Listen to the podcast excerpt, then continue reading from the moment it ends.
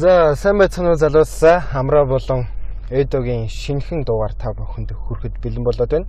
Тэгээд өмнөх дугаартайгаа ижлэхэн бас машин дотроос шинэ дугаараа бэлтгэж байна.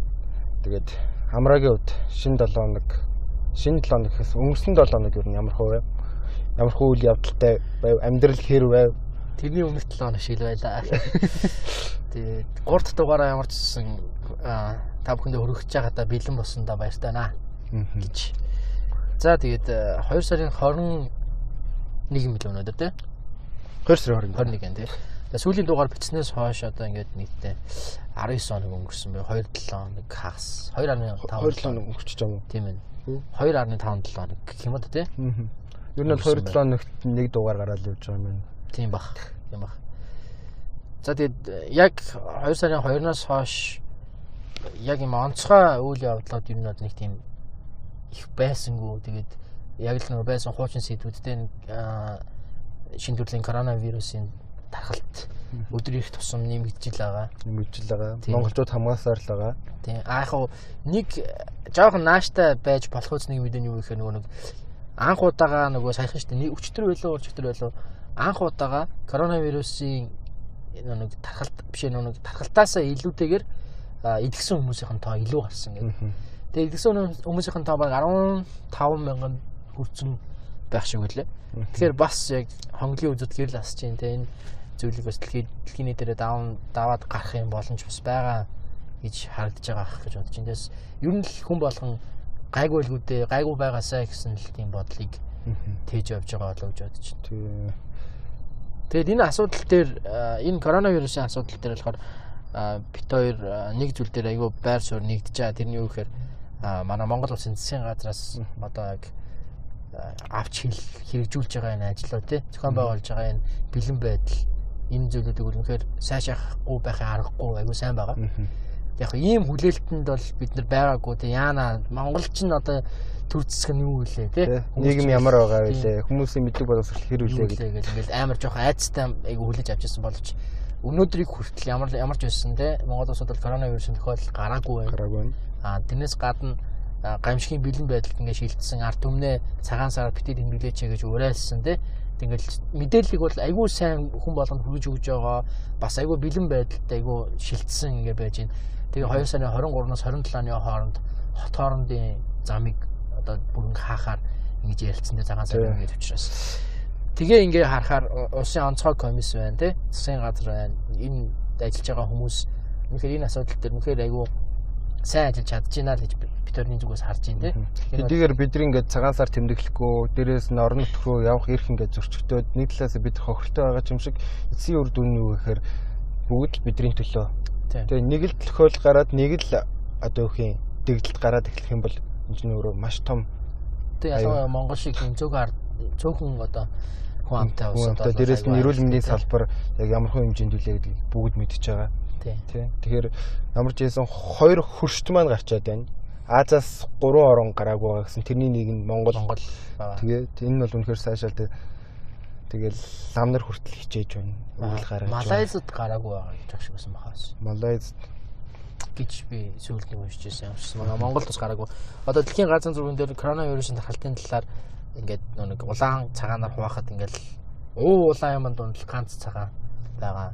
Одоо Монгол улсын газар зургийн цагаанаар хөрөлдсөн байгаа. Тэгэд энэ энэ ч гэсэн цаашдаа үргэлжилсээр байгаад энэ айхтар вирусос Монголд орж ирэхгүйгээр энэ зүйл ингээд намжаад өнгөрөөсөө гэж хүсэж байна да.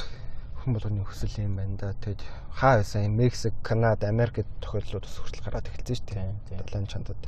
Тэгээ өмнө Солонгостоос тохиолдлууд айгүй хурд хацтай өсөж байгаа. Тэгээ өмнө Солонгос. Өмнө Солонгос чинь нөгөө шинжилгээ өгөхийн тулд заавал тухайн хүнээс зөвшөөрөл авах шаарддаг. Тэр л амар том асуудал болсон юм байна. Би өгөхгүй гэх юм бол шинжилгээ хийх боломж боломж байхгүй. Тэгээ тийм болохоор ялчгүй тэр асуудлаас болж ер нь бол нилээ арга мухарцсан ч гэх юм уу. Тэгж гарах бас хот илүү тий. Тэгсэн тээгүү гэдэг хотод бол ямар ч тийм дэгдэл гарцсан. Жохон одоо тэнд бол бас нилээ үмэнтэй л байгаа юм шиг байгаа. Тийм. Тэгээ Солонгост байгаа бас манай найз ярьж ирсэн. Энд мас болтохгүй байна. Онлайн шопоор ингээд орохоор масны хүн нэмэгдсэн. Тийм гэсэн. Тэр э, би бас бас манай нэг таньдаг их чинь хамтарч ажилладаг компаниас нь солонгос компани Монгол. Тэндээс бол ингээд Монголд маск үйлдвэрлэдэг тийм одоо үйлдвэр байна уу? Бид ингээд олон ширхэг авах хэрэгтэй байна тий. Тэг авахар болох юм бол Монголд очих хэрэгтэй болно. Тэгээд одоо нөгөө хил гайлын ингээд нөгөө шалган айгүй хатуу болж байгаа учраас бид нар одоо солонгосчууд бол ингээд Монголын визэнд ороод ерөөсөө визийг хүсэл нэг 2 3 хоногт хариугаа авчдаг байсан юм байна л да. Одоо болохоор доотлол нь 11 болцсон. Яагаад тэгэхээр ингээд энэ цаг үедээ одоо ингээд үеэс шалтгаалаад ийм болцсон байна. Нэгд хоёр талаараа одоо солонгост дийгдэлт айгүй өндөр болцсон. Одоо нэмэгдээд ийм болцсон байгаа учраас бүр хэцүү байгаа. Тэгээд тийм маскны төлөвлөгөөр орсон байгаа юм байна. За тэгээд ямар ч байсан Монгол улсын хувьд өнөөдрийн байдлаар ийм сайхан байна. Одоо юу гэх юм ямар ч лээс энэ вирус илрээгүй. Илрээгүй. Ингэж байж байгаа нь ямар ч байсан айгүй эрэг мэдээ. Тэгээ мөн ахаад нэг сайшрах зүйл нь үхэр өмнөх дугаар дээр хэлжсэн.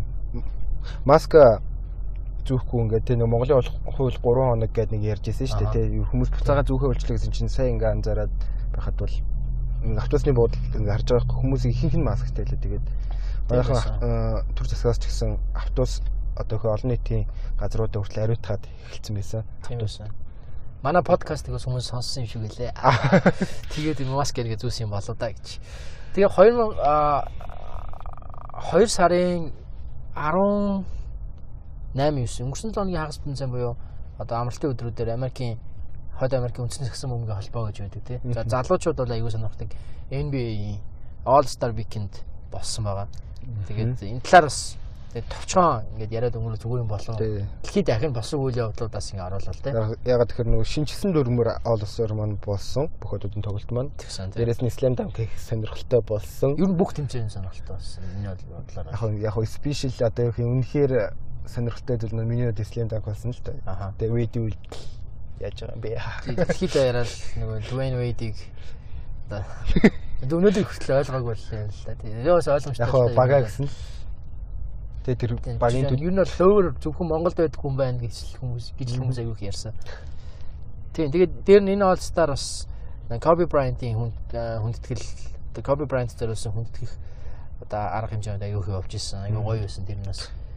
Тэгээ Star чинь шинэ дүрмээр а хоёр бүсийн багууд ингээ хоорондоо хуваагдаж тоглоод дөрөвдүгээр үед эхний 3 үе дээр 3 дээр нь цагаа 0 биш оноогоо 0лоод тэгээ ингээд үе тус бүр дээр хоцсон баг 100 мянган долларыг одоо хоёр их сургуулийн оюутнуудыг хоёр их сургуулийг сонгож авч байгаа 100 мянган долларын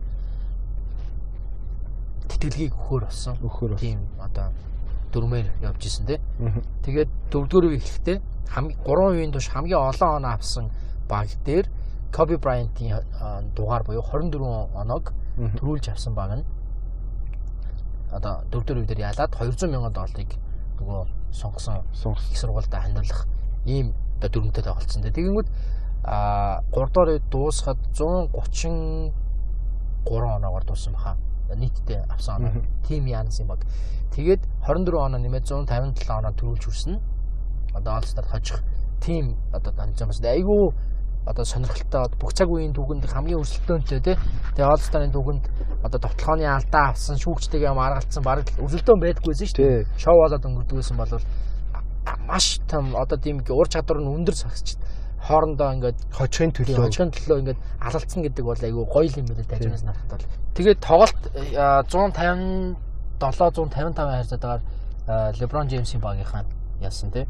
Тэгээд 157-г 155 гэсэн энэ хоёр тоог задрууд задгаагаар нь 155 157 гэсэн тоонуудыг хооронд нь нэмэхэд одоо Kobe Bryant-ийн 24 дугаар яг гарч ирж байгаа тий. Тэр л зүгээр ингээд санамсаргүй тохиолдол واخгүй. Тэгээ албаар тийм болоогүй. Тэгэхээр бас амар гоё бас тийм тоо үзүүлэлт гарч ирсэн. За 157 он болохоор тусад нь нэмээд үзэнгүүд 13 тоо гарч ирсэн. Энэ нь болохоор 1996 оны NBA draft-ийн 13-аар 13 дахь сонголтоор Kobe Bryant NBA-ээс гэх мэтчлэн айгүй олон таа тэр бэг мартцсан байна л да яг ямар ямар тоног байлаа. Ямар ч гэсэн тэр утгаараач тэр айгүй сонирхолтой гоё одоо миний үдчихсэн All-Star бол хамгийн сонирхолтой All-Star-ууд нэг л байлаа. Энэ баг хамгийн сайн гоён жиж магадгүй. Ер нь цааш энэ дөрмөөрөө явбал бас илүү сонирхолтой. Юу баг ийм байгаасаа. Тэгээ Kobe Bryant-ээс хүндэтгэл үзүүлэх хэмжилтээ нэг удаа ийм зүйл бас цаашдаа бас зохион байгуулалт яваасаа гэж бодож байна. Тэгээ Kobe Bryant-ийн асуудал дээр нэг мэдээлэл нэмжлэхэд 2 сарын 24-нд яг аль биесээр Kobe Bryant-ыг үдэх одоо ёслол гэх юм уу яг нөгөө юу нь бол болцсон. оршуулгын Оршуулга нь бол болцсон байгаа. А яг Kobe Bryant-ыг үдэх одоо тэр яг юм бэ. салах ёс Салах ёс гүйцэтгэх гэх юм уу тэр үйл ажиллагаа нь болохоор establish центр 2 сарын 24-нд болчих. Яа тэгэхээр нөгөө яг бас 2 24 гэсэн тоог бэлэгшээж оруулж өгсөн. Бэлээ.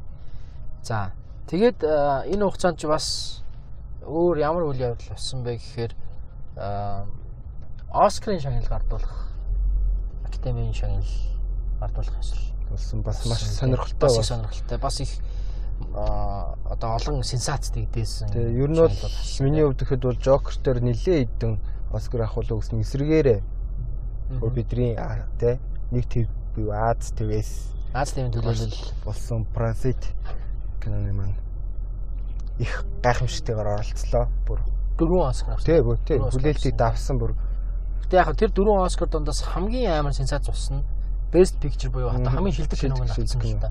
Миний хувьд болохоор за юун дээр бол гадаад хилдэг кинон киноны Оскарыг бол авах нь ойлгомжтой байсан. Тэгээ их зохиол их зохиол авч магадгүй байсан.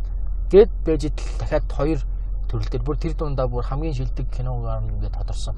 Тэгээд бас үнэхээр аргагүй гоё кино л доо. Би бол бүр ингээ хоёр удаа үзсэн. Нэг удаа үзээд надад аягүй таалагдсан. Гэхдээ дараа нь киноны ревювийг уншаад утга санаа тэр гаргаад байгаа илэрхийлээд байгаа санаануудыг нэг уншичаад дахиад үзсэн. Бас үнэхээр мундаг бүтээл болж чадсан.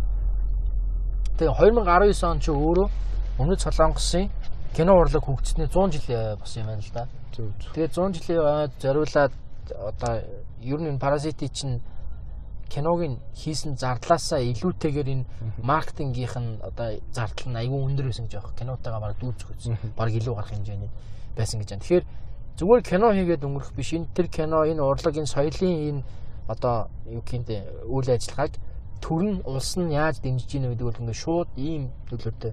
Би бол паразит дээр бол тийш хэлмээр байгаа. Энэ зөвхөн энэ паразит гэхгүйгээр одоо юу гэдэг зөвхөн энэ кино гинт гарч ирснээр Оскар төвлөх хэмжээний байж бол чадахгүй байсан байхгүй Угаас энэ бүхний суурь яаж тавигдсан бэхээр энэ солонгосын K-pop K-pop. тийм ингээд төрийн бодлогоор солонгосын соёл одоо энэ олон ангид кинонууд байна тийм энэ бүх зөвлөд ингээд цаанаасаа ингээд системтэй ингээд нэг зорилгын араас ингээд явж байгаа болохоор энэ бүхний үр дүнд Parasite-ыг дэлхийн нийтээр хүлээмжшөөрж одоо энэ Оскарын шагналаас ингээд айгүй олон рекордыг тогтоолоо шүү дээ. Дөрвөн Оскар авсан. дөрөв Оскар. Хамгийн сүүлийн тохиолдол гэсэн чинь нөгөө э, Walt Disney юм билээ шүү дээ. Дөрвөн Оскар авч ирсэн тохиолдол.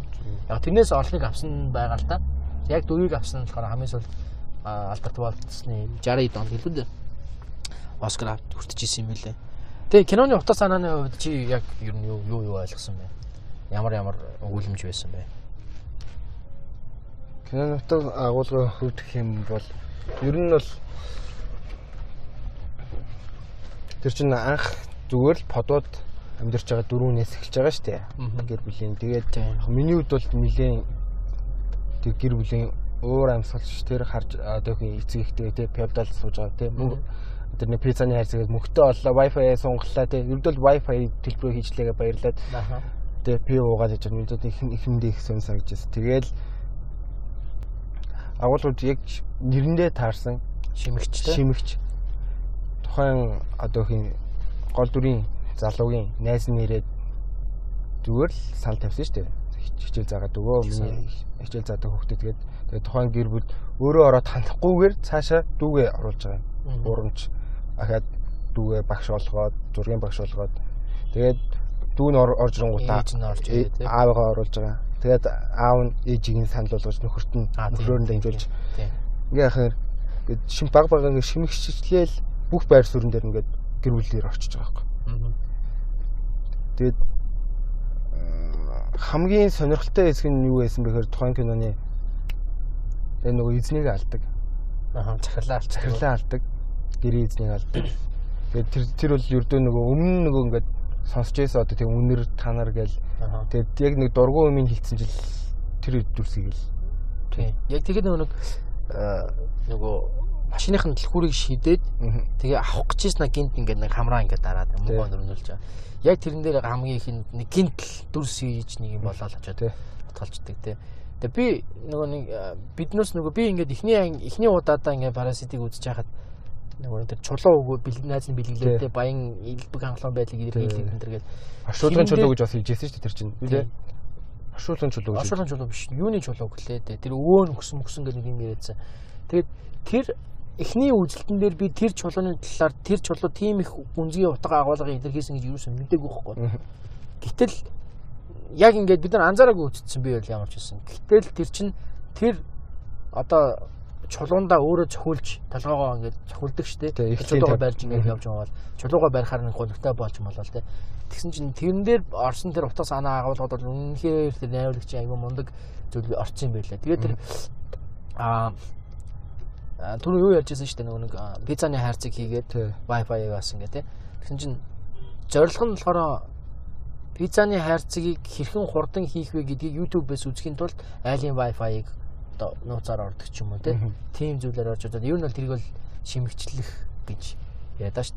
Одоо ер нь бол манай Монголд айгүй их тийм хэрлэг байдаг чи ямар паразит зантай байна те. Мгм. Наа чи амар паразит гэл. Тэгэл одоо тэрнээс чи хойш ер нь бол бас янз янзын нөгөө жоохон илэглэлүүд залуучууд Тий. ингээ гараад.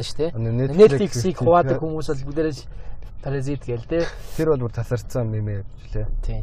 А тэгэд надад хамгийн таалагдсан тэр зүйлэл нь аа, юу байсан бэ гэхээр а Кимийн гэр бүл гэдэг байгаа. Тэр одоо яг үндсэн гол дүрийн кино анги биш гэр бүл гэх юм уу та? Нөө бодвол амьдардаг. Кимийн гэр бүл бол өмнө солонгос улсыг төлөөлж байгаа. Газар доор амьдардаг амар олон жил амьдарсан хүн.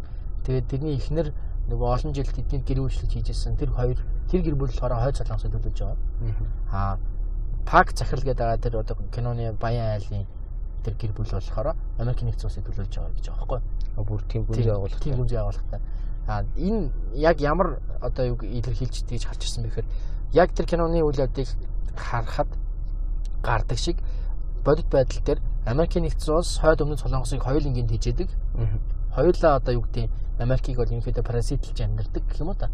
А хойд солонгос нь болохоор ингээд өмнөд солонгосыг пуучин харвын шүү гэж ингээд айлгаж майлгадаг шүү дээ. Тий. Жохон занл хилдэг. Тэр нь юун дээр тэрийг ингээд юун дээр илэрхийлсэн бэ гэхээр нөгөө гар утсаараа бичлэг хийдэг шүү дээ. Аа. Тий. Гэрийнхний бичлэг хийчихэд энэ биений дарахал парк чахлаа явуулах юм бол та нар дуусна шүү гэдэг ингээд сүрдүүлдэг. Мгм. Тэр байна. Тэгээл одоо юу гэдэг ингээд яг энэ гурван гэр бүлийг энэ гурван ус болгоод ингээд тусад нь ингээд утга санааг ингээд өгчээсэн юм бэл. Найруулагчийн юмсэл. Аа тэгээд бас бас нэг таалагдсан нөгөө нэг ингээд өгүүлэмж нь юу гэхээр дэлхийн дулаалын талаараас асуултыг хүндсэн гэж байна. За тэр нь болохоор аа нэг аялалд явангуудаа амар бороороо буцаа хөдөрдөг шүү дээ. Тэгээд тэр болохоор байгалийн гамшигт үйл явдал болоод байгаа байхгүй юу? Ер нь бол үер марк юм болоод. За тэгэнгүүт хүний буруутай үйл ажиллагаанаас болоод энэ дэлхий дээр байгаа хүмүүс өөрсдөө буруутай байгалийн одоо энэ цаг уурын өөрчлөлтөд бол.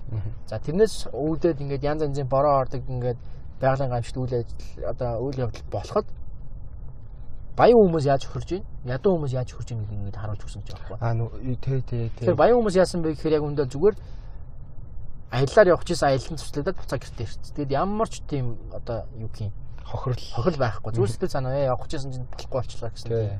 Аялалтаа л явж чадаагүй хохирол. аялдаа л явж чадаагүй. Аа тэнгүүд ядуу гэр бүлүүдийн хувьд яаж тэрний тусаад байна гэхээр орон гэрээ алдаж байгаа хэрэг тий. Тэгэхээр ингээд гэртээ яваад чинь чинь хамаг юм нь усанд орж ивсэн. Ингээд айгүй хэцүү байдалд очдог шүү дээ.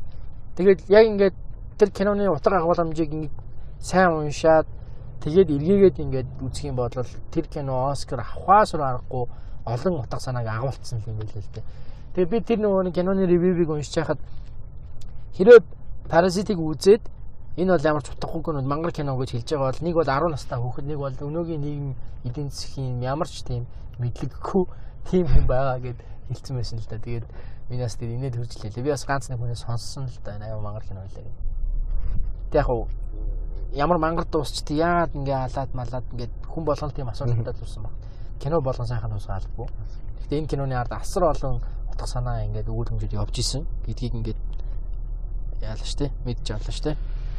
За тэгвэл review-ийг уншаа дахиад үзэх хэрэгтэй юм байна. Миний хувьд Тэгээ би бол тэрийг үзсэн уншсныхаа дараа шууд дахиад нэг үзсэн. Тэгээд бас аяга гоё. Бас. тэр төгсгөлд нь аавны эсрэгээрээ тэрний бодволд ороод амьдэрсэн мессеж хар. Тийм. Тийм. Тэ нэг ахаал ялгаагүй л нэг гэрлээ нэмчүүлаад. Тийм. Тэрнтэй холбоотой юу ямар хөр review юм харагдсан уу? Аа тэр гэрэл анилчуулдаг тэр ч юм болохоор нөгөө нэг хуучин тэнд амьдарч исэн хүн нь ингээд нөгөө нэг пак захирлын ихээр ингээд респект гэх ингээд идэв шүү дээ. Тэр болохоор яг нөгөө Ким Жон Уныг унд мөрөдөг тэр зан үйлийг харуулсан гэсэн байсан. Одоо нэг удирдахчаа дахин жүжигдсэн шүү дээ. Тэрийг ингэж үзүүлсэн гэдэг. Тэгээд яг хөө нөгөө найруулагч нь хэн блэ? Бонжун Бон- Бонжун хэн блэ дээ? Би бас яг нэрийг мартчих. Найруулагчаас нь асуусан юм байл. Ингээд парасит ингээд таны хийсэн кино бол ингээд бүр дэлхийд даяар ингээд дэлхийд дэлхийд дахны байлдан дагуулчлаа. Энэ яг яагаад ийм зүйл болчих вэ? гэсэн чинь өөрөө болохоор тэгж хэлсэн юм байл л дээ. Аа яг би бол солонгосын нийгмийн болж бүтэхгүй зүйлийг киногоор үзүүлэхийг хичээсэн. Гэтэл дэлхийн нийтээр ингэ хүрсэн. Тэгэхээр энэ юу бид нарт харуулж байна вэ гэхээр бид нар бүгдээрээ адилхан капиталист нийгэмд амьдарч байгаа юм байна гэдгийг надад бол ингээд харуулчлаа гэд хэлсэн юм байлээ. Тэгээд киноны утга санааны талаар ингээд янз янзын юм асуугаал те. Тэр үйл явдлыг юутай холбоо тэр яг юу илэрхийлсэн гэдэг иймэрхүү асуух иймэрхүү зүйл асуух тоолонд нь юу ч хэлээгүй тэр нь юусаа хариулдаг үгүй. Тэр ягаад тэгэхээр та нар өөртөө үзэл Өөртөөхөрөө дүгнэ. Өөртөөхөрөө дүгнэ гэсэн тийм дүгнэлт. Тэгэхээр түүний тэр миний уншсан ч байна уу хүмүүсийн яасан тэр ревюуд тэр сэтгэлдлүүд бол бас яг тэр найруулагчтай тулах албагүй байгаа байхгүй тий. Тэгэхээр энэ арай арай өөр айгүй гоё. Тэр Joker-ийг ч гэсэн хүмүүс үзээд янз янзаар яриад нөгөө Batman-ны юу юу гэл тий. Тэ Бэтмен аваагүй аваагүй Joker хоёр дүр авчлаа. Оскараар. А тийм тийм Joker анти хиро дүрээр авлаа гэдэг. Нөгөө хүмүүс бас нэг юун дээр яасан Joker дээр нөгөө нэг а ээж нь нөгөө нэг юу нэ Batman-ы аавтай Аа одоо эхнэр нөхөр байсан уу? Яг Joker тэр хүний Томас Вейнний хүүхэд мөн үү гээл те биш үү гээл тэд нар ингээ хуваагдаад. Тэрэн дээр бас яг төгс хариулт байхгүй. Яг хүн хүн өөр өөрөөр ороод дүгнээд ингээ явах хэрэгтэй гэж байна. Тэгэхээр бол кино урлагийн бас тэр нь аюу гоё санагдсан л та надад. Тэгээд нөгөө кино дуусахад нэг а одоо нэг тэр Кевин гэдэг байгаа хүүхэд биш үү? Одоо англи хэлний бошоор анх очдөг. Нөгөө подолд амьдардаг айлын хүү гол дүрийн. аа за. Тэр э, залууч нь жүжигчин залуу тэр өөрөө тэр киноны хамгийн сүүлд гарсан дууг дуулсан юм билээ. Тэр хамгийн сүүлд явхдаа дуул дуустай дуу юм билээ. Тэгэхээр тэр дууных нь нэр нь болохоор а, 524 билүү 564 жил гэсэн нэртэй байсан хуучин нэр нь. А одоо болохоор нэр нь өөрчлөгдсөн юм шиг байна. За тэгээд тэр дууных нь текстийг нь хэн бичсэн бэ гэхээр найруулагч бичсэн. Тэгээд яагаад 524 жил гэж нэрлсэн бэ гэхээр а, нэрлэлсэн байсан бэ гэхээр кино дуусахтаа ингэж дуусдаг штэ. Герман хүмүүс нөгөө тэр байшинг аваад аав нь подолт нь ингээд үлдсэн. Тэгээд би ямар нэгэн аргаар баян болоод тэгээд аавыг очиж авандаа Тэ аваар нь гэж хий яриад ингээд өөрөө төсөөлж бодож модоод ингээд нүдэндээ харж мараад тэгээд дуустав. Тэгэнгүүт э, яг нөгөө өнөөгийн өнөөдрийн солонгосын нийгэмд их дундаж тий цалингийн дундаж орлоготой хүн 524 жил амьдарч иж тэр байшинг худалдаж аваад аавыгаа гарах боломжтой болох юм байл та. Тэрийг бас илэрхийлсэн юм билээ. Тэгээ нь тэрүүгээр юу хэлээд байна гэхээр бас ингээд солонгосын дундаж давхрын дундаж цалин ийм байна тий. Тэр зүйлийг хийгээд ийм олон жил болж иж ийм зүйл болох юм байна шүү гэдэг илэрхийлсэн юм билээ. Тэгэхээр киноны текст бүр одоо юу гэдэг сцен бүр нь өөрөө нэг тийм цаанаа тийм өөр далд мессеж агуулсан. Үнээр мундаг кино болсон юм билээ л дээ. За тийм байна. За тэгээд э, бас нэг э, монголчуудын маань хувьд айгүй сайхан гоё мэдээ байна. Тэр нь юу вэ гэхээр Star Wars гээд э, бид нар одоо хүүхд наснаас л үзэж эхэлсэн гоё кино байна те. Star Wars-ын а, видео тоглоом одоо чинээр гарч байгаа те. Видео тоглоомных нь албан ёсных нь дууг манай Who band одоо дуусан Who band-ийн Black Thunder те хараа хар аянга гэдэг дуу одоо тэр видео тоглоомын одоо саундтрак нь болсон байгаа. Энэ бол зүгээр одоо яг хүү банд өөрөө айгу дэлхийн хамтлаг болоод ингээд айгу олон төв тоглолтууд хийгээд айгу мундаг болоод хамгийн ихнийхэн CD үнэхээр бяц аваад тийм ийм одоо ингээд юу гэдэг юм сенсац байха болчлаа л да монголчуудын хувьд байдаг л зүйл. байдаг зүйл болчлаа. Тэгэхээр хүү өө хүү угаасаа мундаг хамтлаг юм болчихсон. Гэхдээ ийм хэмжээний амжилт бол үнэхээр бид нар одоо шагшин магтахаас зур арга байхгүй. Тэгээд Монгол улс одоо Монгол улсын соёл шинжлэх ухаан гэх юм уу тий засгийн газраас энэ хүү бандын төлөө хийсэн нэг ч хөрөнгө оруулалт байхгүй.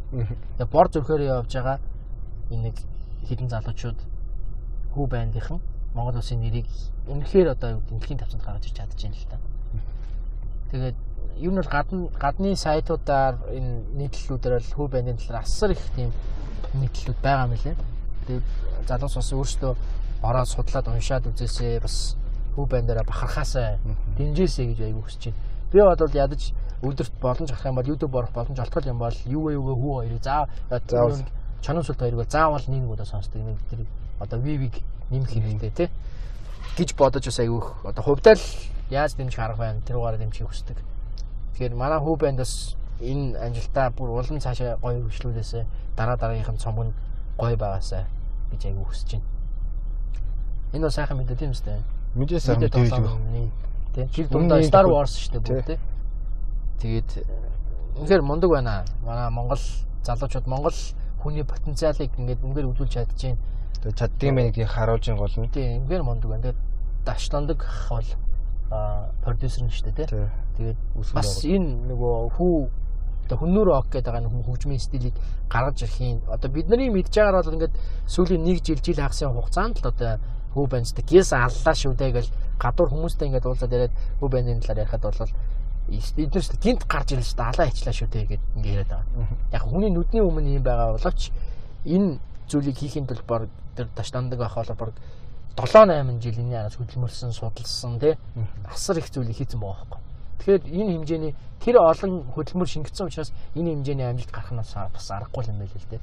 Тэгэхээр бас тэрийг бас манай монголчууд сайн ойлгоосоо гэж хүсэж байна. Нэг аюу амархан харагдаад байгаа байхгүй яг үндэ бол хоёрхан клип гаргаснаа YouTube-ийн subscribe нь бүр амар 7 800 мянга олол ингээл явцсан гэл яриад байдаг. Гэтэ яг үндэ энэ бүхний чаад асар их хөдөлмөр явж байгаа. Тэгээд энэ залуус үнэхээр дэмжих хэрэгтэй, бахархах хэрэгтэй тий. Одоо ингээл гадагшаа явлаа гэхэд нэг хамт ихэд хүүх харуулахад бүгд Тийм. л мэднэ Тийм. гэж тий. Тийм. Одоо нөгөө нэг Чингисийг Чингис хаан гэж мэдхүү гэхээс илүү Бүү бандыг мэдхүү гэж асуухад л ер нь бол айгүй мэддэг болчих. Ялангуяа Европ те Хойд Америкаар бол айгүй э, нэр алдартай болцсон байгаа юм байлаа манай Бүү банд бол. Данаа тоглолтын нэлээд удаасаал те. Дуусаа тэгээ аялын тоглолтын нь хуваар ихсэн чинь л нэг аялын тоглолт Энэ жил бол битүүн билээ шүү билээ, Энэ жил бол битүүн байгаа юм билээ. Тэгээ Монгол дахиад э, тоглох боломж байгаа хизээ тоглох гэсэн чинь 21 онд тоглох магадлал байж магадгүй гэж ярьж байгаа юм. 20 он бол ер нь бол битүү ингээд план дүүрсэн байгаа. Тэгэхээр үнэхээр мундаг байна л да. Тийм хэмжээний хамтлаг Монголоос гараад ирсэн ингээ явж ийн гэдэг бол Тэгээ гол нь бас дараа дараагийнх нь хамтлагууд өшөө тэгээ дэлхийд гарч ирээсэй гэж бас хүсэж байна. ааха За заавал хамтлаг гарч ирэх л ах л та. хамтлаг ирэхгүй одоо ингээд нэг ингээд кино салбарч байж болно ямар нэгэн аргаар Соёлын хэмжээнд. хамгийн гол нь хүү бандын хамгийн том одоо та- авуу тал гэх юм уу хамгийн гоё юм надад таалагддаг юм нь юу вэ гэхээр зүгээр дуу хөгжмөөр дэлхийг байлдан дагуулахаас гадна Монгол соёл энэ морин хуур те үндэсний хөгжим хувцас хунар одоо юу гэдэг энэ бүх зүйлийг дэлхийд дахин таниулж байгаа байхгүй. Эний чинь дагаад одоо юу гэдэг морин уур сонирхох гадаад хүмүүсийн тоо хідээр үзэх гэх Монголд морин уур үйлдвэрлэдэг одоо хийдэг хүмүүсийн тэр тоо. Тэгээ Монгол морин уур үйлдвэрлэдэг тоо хэмжээ жил тэдэр нэмэгдэхүү ингээд жижиг сайжиг ингээд энэ нөлөөг харах юм бол аялал жуулчлал байна тий хүү банд чи хаана гэх юм Монголын өө энэ хүү бандын клип хийсэн газар хаана ингээд би өнөөдөр нөгөө нэг аа битгий сонс гэдэг подкастны ганхуу гэдэг шараар хамтлагийн ахлагч ганхуу ахын яг подкастыг орсон яг подкастыг сонсч ирсэн л та. Яг тэрэн дээр хүү бандын талаар ярьж ирсэн. Аюу гойго санаанаас ганхуу ах бол хэлчихлээ. Тэгээд яага болохгүй шүү дээ. Хүү хамтлагийн клип хийсэн газрыг очиж үзхийг хүсч болно шүү дээ. Ер нь Монголын түүх соёл үнэхээр юм гоё юм байна. Монголын дуу хөгжим ийм гоё байна. Ингээд Монгол руу ирэх жуулчнуудаа ихсэх магадлал бас аюу өндөр байгаа юм л да. Тэгээ энэ бол асар олон сегментэд бол үр өгөөж өгж байгаа юм том төсөл юм байна л да. Дээрэс нь нөгөө тэмүүлэн билөө одоо хүн амтлагийн Тийм, Темка. тий харах юм бол нэг гитар шиг гэхдээ хоёр хуц хоёр илүү дөрөв хуцтай Гурван хуц- А, гурван хуцтай. гурван хуцтай Товшуур. товшуур Тэгээ яг тэр нь болохоор тэр хөгжим нь нийтэд байдаг лөө байхгүй нийт байхгүй зөвхөн Монгол. Монголд Чинь байгаа Тавшуур хөгжим бол яг хүннүүгийн үеэс хүннүг гүрний үеэс л яг үүсэлтэй юм байл л дээ. Морин өр бол бүр дээр билж ярьдаг л тий. Тэгээд нь өөр аюу гой хөгжим юм байлаа. Яг яг одоо тэр гадаадын сайтнууд дээр Темкагийн тоглолтын хөгжмийг юу гэж бичээд байна гэхээр зүгээр Монгол гитар гэдлээ. Товшуур гэхээр яг товшуур гэж нэрлэдэг. Гэхдээ яг энэ яг ямар юм гэдэг хамгийн үндсэн ойлголт нь гитар. А гэхдээ энэ Монгол гитар гэж болж байгаа. Тийм. За тэгээ лимб байна, тэгээ лимб байна, товшуур байна, мороор байна. Ингээд энэ гурван үндсэн манай Монгол язгуур урлагийн гурван хөгжим энэ одоо хамтлагийн үндсэн ритм бүх юм ингээд явж байна. Яг мэдээж бусад рок хамтлагчид бас гитар, сол гитар байна. Бөмбөрч ард нь явж байгаа. А гэхдээ яг үндсэн дөрөв нь бол яг ийм юм байгаа. Тэр нь бол үнэхээр тэр гарч байлдан дагуулж чадчихээн. Тэгээд стил имиж нь ч гэсэн гоё юм.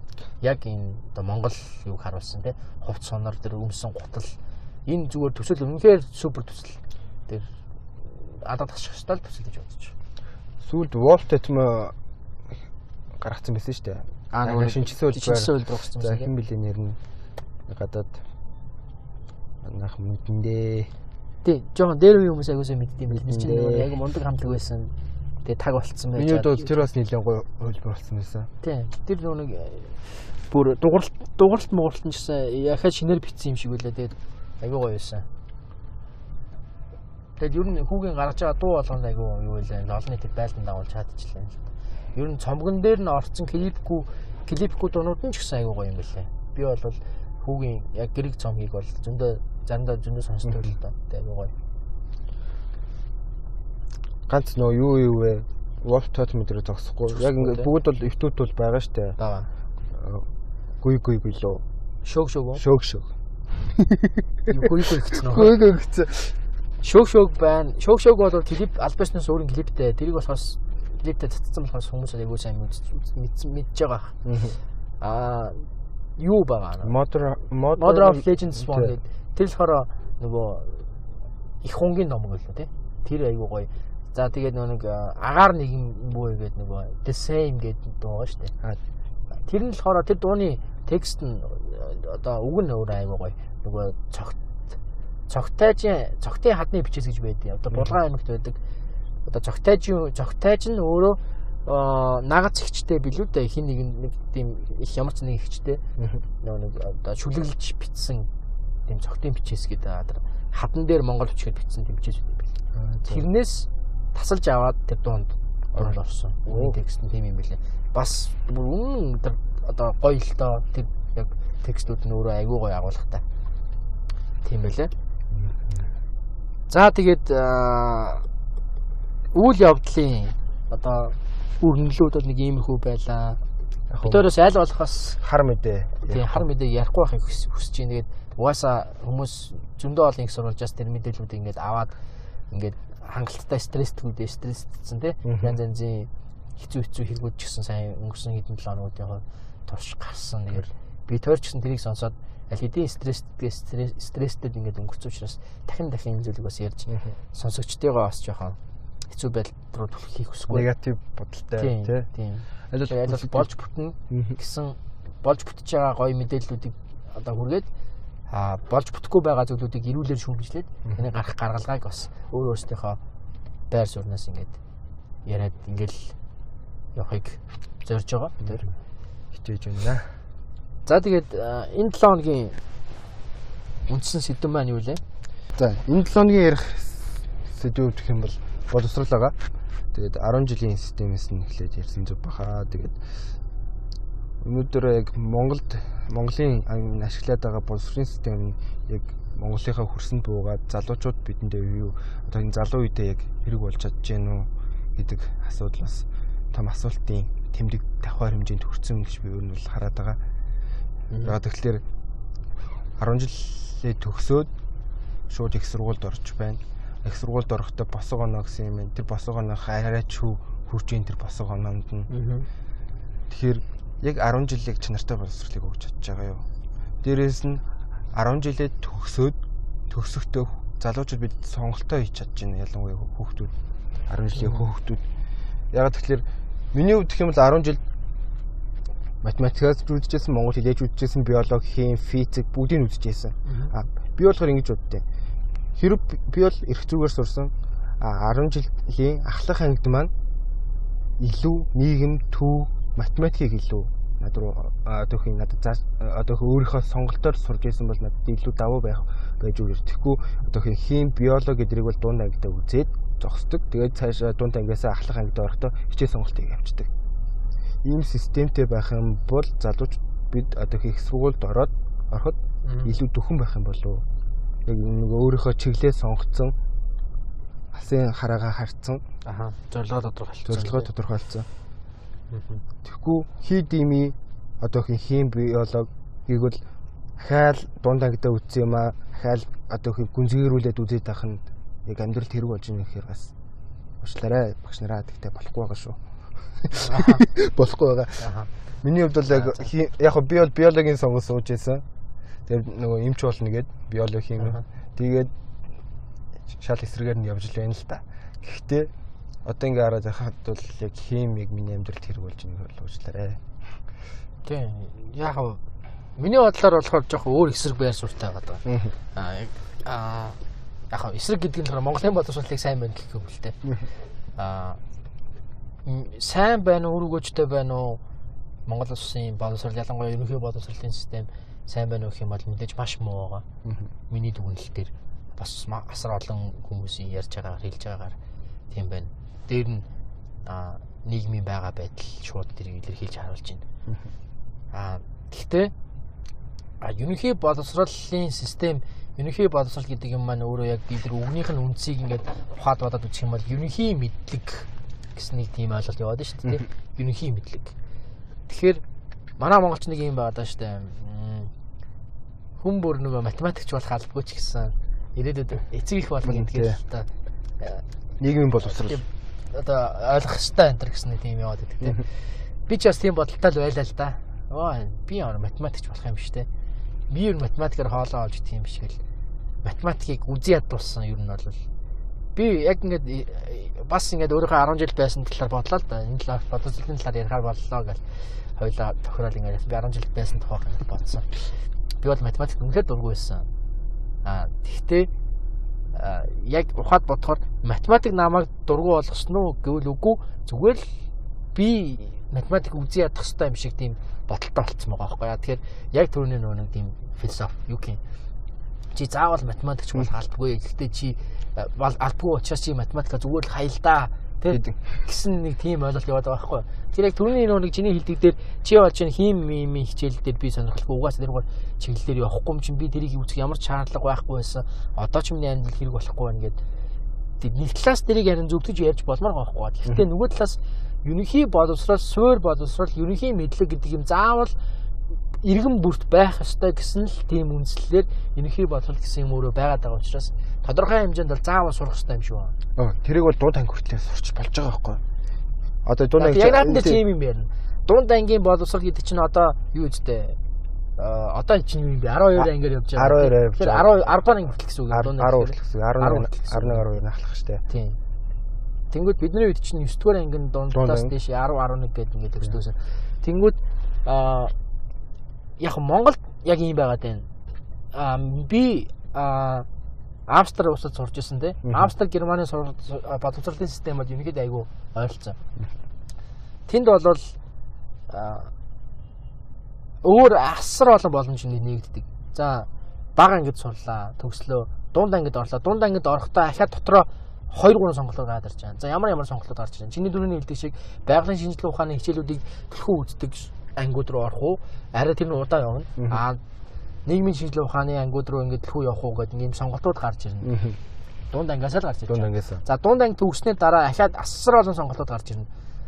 За сургуу цаашдаа зүр гимназиум буюу 10 жилийн сургуулаараа ингээд ахлах сургуультай сураад төгсөөд цаашдаа ингээд явах уу? Эсвэл шууд мэрэгжлийн одоо юу гэх юм мэрэгжлийн сургуулийн төв гэдэг үлээ тий. Мэрэг сургуулийн төв. Имсүүд гэдэг үлээ Монгол. Имсүүтэд сураад цаашаа ингээд явах уу гэдэг нь ингээд шууд сонголтоор гарч байна. За тэрийг дагаад юу гэдэг вэ гэхээр тэнд яг нь ер нь Европууд гэх юм уу та барууны орнууд Герман, Франц, Австри, Итали ч юу гэдэг нь те Европын орнуудыг ингээд ер нь хараад тахаар тэд нар нэг зүйл дээр айгүй нэг одоо юу гэх юм бат итгэл үнэмшилтэй байдаг. Тэр нь юу вэ гэхээр ёстой нүг хүн болгон бакалавр болох албагүй гэсэн тэр итгэл үнэмшилтэр байдаг. Чи чи 1000 бакалаврын диплом аваагүй эсвэл их сургууль төгсөөгүй байлаа гэж чи ээ боловсралгүй тэнэг маанаг гэсэн тийм ойлголт юусэн байхгүй. Чи харин чиний чадвар юу юм те? Миний чадвар сантехникийн сонирхолтой би. Байрны одоо барилгын сантехникийн чинь айгүй би судалж үзэл те. Ийм ийм одоо тэдэн градусаар дали хийдэг гэдэг юу гэдэг чинь те. Янз янз нарийн байгаа шүү дээ. Тийм одоо техникийн сонирхолтой одоо инженер болох тийм хүсэлтэй хүүхдүүд байгаа шүү. Хүн болгон өөр өөр сонирхолтой байгаа шүү дээ. Уулна. Гэтэл Монголд өнөөдөр хүүхдээ чи сантехникч болох юм бол архичин болноо л гэсэн ойлголт угаасаа л явж байгаа. Тийм бол Монголд угаасаа хүүхдээ сантехникч эсвэл өсчин тогооч юу гэдэг зөөгч энэ одоо тийм нийгэмд үйлчлдэг энэ үйлчлэгээний салбарын хүмүүс болохыг хинч хүсдэггүй байхгүй. Бүгд дээд боловсрал боловсралтай болохыг хүсдэг. А хүсдэггүйгээс гадна угаасаа тэр мэрэгчдүүд нь нийгэмд үнэлэх хөндлөмжийн зүгээр хогтой одоо юу гэдэг шороотой нэг хэмжээнд те газартаа нэг хэмжээнд тэр доогор үнэлэгддэг. Тийм ч учраас бас нөгөө талаас бодохоор аргагүй ихэнд хүүхдээ хүн болгон дээд боловсралтай болчоосоо мундаг одоо боловсралтай болоод ингээд мундаг яваасаа гэсэн тийм л хүн болгоны хүсэл байгаа. Тэгэхээр энэ зүйл дээр би ингээд бодлоо л таа. За яг ингээд Европ тийм байд юм байна. Европт бол одоо хин нэгэн За өсчин боллоо би ер нь шиг шууд дундургуулаа хайлаа. Надад тэр матч цаатай юусан хамаахан ингээд хүний үсийн айц засах сайн сурлаа. Өөрөө ч тэнд айгүй дуртай байла. Агастай байла. Сайхан өсчин болчлоо. За өчний газар амьдраад ажиллаад ингээд амьдраад явхад бол болж юм те. Олж байгаа цайлан болж юм. Одоо бүх хэрэглээндээ хэрэглээгээ хэрэглээндээ бүх мөнгөө цалингаа зарцуулаад цаана хуримтлал үүсэх хэмжээний мөнгийг олдог тийм ажлыг бол зүгээр захын хүсчин бол баруун Европт хийж ин тээ. Тэр бол болж байгаа асуудал байхгүй. Тэгэхээр Монголд болохоор ингээд саяны яг ярьдаг шиг өсчин боллоо ч гэсэн яг өсчний одоо ажлыг насаараа хийгээд ирээдүйд ер нь тэр хүнд ирэх үр өгөөж нь ямар вэ гэж бодох юм бол Монгол заавал карьер хөөх хэрэгтэй тийм Монгол заавал хамгийн топ мэдлэгтэй байгаад мундаг байгаад улс төрлөөч юм уу эсвэл бизнес эдийн засгаар хамгийн мундаг цайлцсан амжилттай байх хэрэгтэй гэсэн нэг тийм амбиц хэний ч доор орохгүй гэсэн тэр айгу сонин философи ингээл яваад байна л да. Тэгэхээр энэ дээр би яг яавал одоо юу гэдэг энэ зүйл одоо бид нар бол одоо дэлхий дээр хөгжил сайтай явж байгаа орнууд дундаж давхарган сайн явж байгаа энэ орнуудаас жишээ авч тэр зүйлийг л одоо Монголд хэрэгжүүлэх хичээх хэрэгтэй шүү дээ. Тэгээ болохоор яавал тийм юм болох юм бэ гэхээр төрөөс баримталж байгаа энэ боловсролын бодлогын зүйлүүд дээр энэ мэрэгжил сургалт үйлдвэрлэлийн төвүүдийг олшруулах тэднэрт өгж байгаа тэр одоо одоо тэтгэмжүүдийг нэмэгдүүлэх тий За ингээд нийгэм дээр нийгэм даяараа унсан байгаа энэ нарийн мэрэгчлүүдийн нэр үндийг эргүүлээд өргөх тийм бүр бодлого явмаар байгаа байхгүй. Бодлого гэхээс нөгөө өмнө нь болохоор нөгөө орон тоо өгч тоо өгчдөг гэсэн шүү дээ тий. Энэ ангид одоо тэдүү хөхөд аавна. Энэ ангид одоо хий хуулийн чиглэлээр одоо юм тэдүү хөхөд аавна. Санхүүгийн чиглэлээр тэдүү хөх юм. Тэд тоон дээр өгөхгүй бол илүү гарсан хүмүүс нь өөр мэрэгчлэнгээ сонгоо явдаг. Яг ийм тодорхой тоогоо явуучих юм бол эсрэгээрээ яг энэ боломж нь үүсэх байх гэж би бас хараад байгаа. Тэгэхгүй одоо хүн яг хүний эрхэлтэй юугаар одоо их ямар мэрэгчлээ болох тухайн хүний эрх. Гэхдээ бид нарт яг сонголтоо ихэд юу нөлөөд өгөхөр эцэг их нөлөөд. Тэр бол ээж аваа би тогооч болмоор ихэд юу хуцаад байгаа юм бэ? Тийм манай үндэсний л одоо онцлог. Ээж аваа би өсчин болоо хүний үс засаад ингээд те өөртөө ингээд бизнес кайф аваад ингээд ажиллаад амьдрмаар байна. Гэхэд бол юу вэ чи энэ сургууль сур. Тэгэл нөгөө хүүхдийн хүссэн үсээгөө сурдаг. Тийм хүссэн үсээгөө явдаг те. Тэгээ ингээд нэг жил явлаа 2 жил 3 дахь жилээс сургуулаасаа гардаг. За тэгээ төгссөн ч тэр талаар ямар сонирхолгүй байх гэж байгаа байхгүй юм. Мэргэжлэрээ ажилдаг хүмүүс байна уу бол хэцүү шүү дээ яг үүндээ эдийн засгийн чиглэлээр төгссөн бакалаврууд монголоор төвлөл байгаа шүү дээ. Дэлгүүр тодлог чигээ сууж байгаа. Тэгээ эцэг эцэд яг тэр сурсан сургууль тэр тэрэн зориулсан төлбөрүүд ингээд зүгээр хайр мөнгө болоод ингээд өнгөрч байгаа. Тэгээ би яг би одоо жишээ нь яг энэ байдлаар яг энэ нийгэм дээр би хүүхд миний хүүхд ингээд том болоод мэрэгчлээ сонгох ингээд болоод тулж ирэнгүүт аава би сантехникч болоо гэх юм бол би ч гэсэн ээ дараач тээ миний хүүхд сантехникч болох бодох байхгүй юу? Тэгэхээр яг энэ асуудал энэ зүйлийн гол асуудал нь юун дээр байна вэ гэхээр энэ тэр нийгэм дутуу үнэлэгдэт байгаа энэ мэрэгжлүүдийн нэр хүндийг нь өсгөөч ээ. Үнэлэмжийн дээшлүүлж өгөөч ээ. Тэ? Энийг төрөөс хийхгүй бол одоо бид нар зүгээр ингээд хідэн гарууд дээр очиж ингээд зүгээр найзууд дундаас ярьж сууж байгаа л ээ хүн бол мэрэгжил бүхэн сайхан штэ ингээд Оо тий, өстой хөгшин гоё ярьж ийн гэл. Яг ясрам дээр ийм юм ярьдаг. Гэхдээ хинч өнөөдөр өсчин тоогооч болохыг хинч хүсэхгүй. Аргагүй амьдралын эрхэнд ч юм уу одоо тэгээд явжлаа gaах зарим. Аа мэдээж үнэхээр хүсээд болж байгаа хүмүүс ч байгаа байгаа. ах уучлаарай тий. Тэгж ярьдаг, тэгж бодоод хийж байгаа дуртай юм хийж байгаа явж байгаа хүмүүс ч байгаа. Гэхдээ юу дуртай мэрэгжил болгондоо эзэн болоод явж байгаа хүмүүсийн хөдөлмөрийг бас адилхан тэнцүү үнэлээсээ гэсэн тийм одоо зорилго надад байгаа даа л да. Бодол тийм хүсэл байна. Тэгэхээр тэрийг нэрээ төрөөс хийх хэрэгтэй хаа. Төрөөс хийгээд яг нэг төвшөнд тэгээ нэг ижил цалин ч юм уу те нэр хүндээ хөвжгсөн ойролцоо явуучих хэвээр. Зэрцүүлдэггүй маа гэхэд. Тэ? Тэгээ эн чинь угаасаа нийгэм чинь а, одоо юу юм За мэдээж бол тэр бол ялгаатай байх хэвээр. Одоо жишээ нь мэрэгжил сургалт үйлдвэрлэлийн төвд сур- сураад төгссөн хүний цалин дээд сургалт сураад төгсөөд явж байгаа хүний цалингийн хооронд зөрөө байх хэвээр. Нэр үндэ ч гэсэн зөрөөтэй. Тэр бол үнэн. Нэг нь илүү нарийн те илүү ингээд одоо толгой гашлагсан олон жилийн ингээд одоо юу гэдэг нь одоо олон жилийн хөдөлмөр ингээд хөдөлмөрөөр нэг юмдаар мэрэгшээд ингээд гарч байгаа хүн байна. А нөгөөт нь болохоор арай өөр чиглэлээр сураад ингээд төгссөн гарцсан хүн байна. Тэгэхээр нэр хүндийн хувьд бол мэдээж яг чин үнэн байдал дээр бол мэдээж их сургууль төгссөн дээд бодолтой хүн бол мэдээж илүү илүү. А гэхдээ нэг юм эргээд нөгөө нэг а эзэмшсэн мэрэгчлэрээ олж байгаа мөнгө маань өнөөдөр миний амьдралд хэрхэн хүрэлцэж байна вэ гэдэг л одоо хүн хүний хувьд хамгийн чухал байна. Хамгийн амьдралын наанд хэрэгцээнүүд нь хангагдаад цаана хуримтлал үүсэх хэмжээний мөнгө төр хүнд цалин өгж чадж гин үгүй юу гэдэг асуултаар л одоо нийгмийн дундаж давхар та мөн үгүй юу гэдгийг л одоо дэлхийн нийт бол тэгж тодорхойлж байгаа. Тэгээ Монголд яг нийгмийн дундаж давхархыг яг юу гэж тодорхойлдог бол яг сайн мэдэхгүй л байна л да. Маад давхарга чинь их олон төрлийн давхарга бий болчиход байна шүү дээ. Тэгээ дундаж давхар нэг цөөхөн дээ. Дундаж давхрын цөөхөн. Тэгээ дундаж давхрын хин гадагшаагаа явж байна.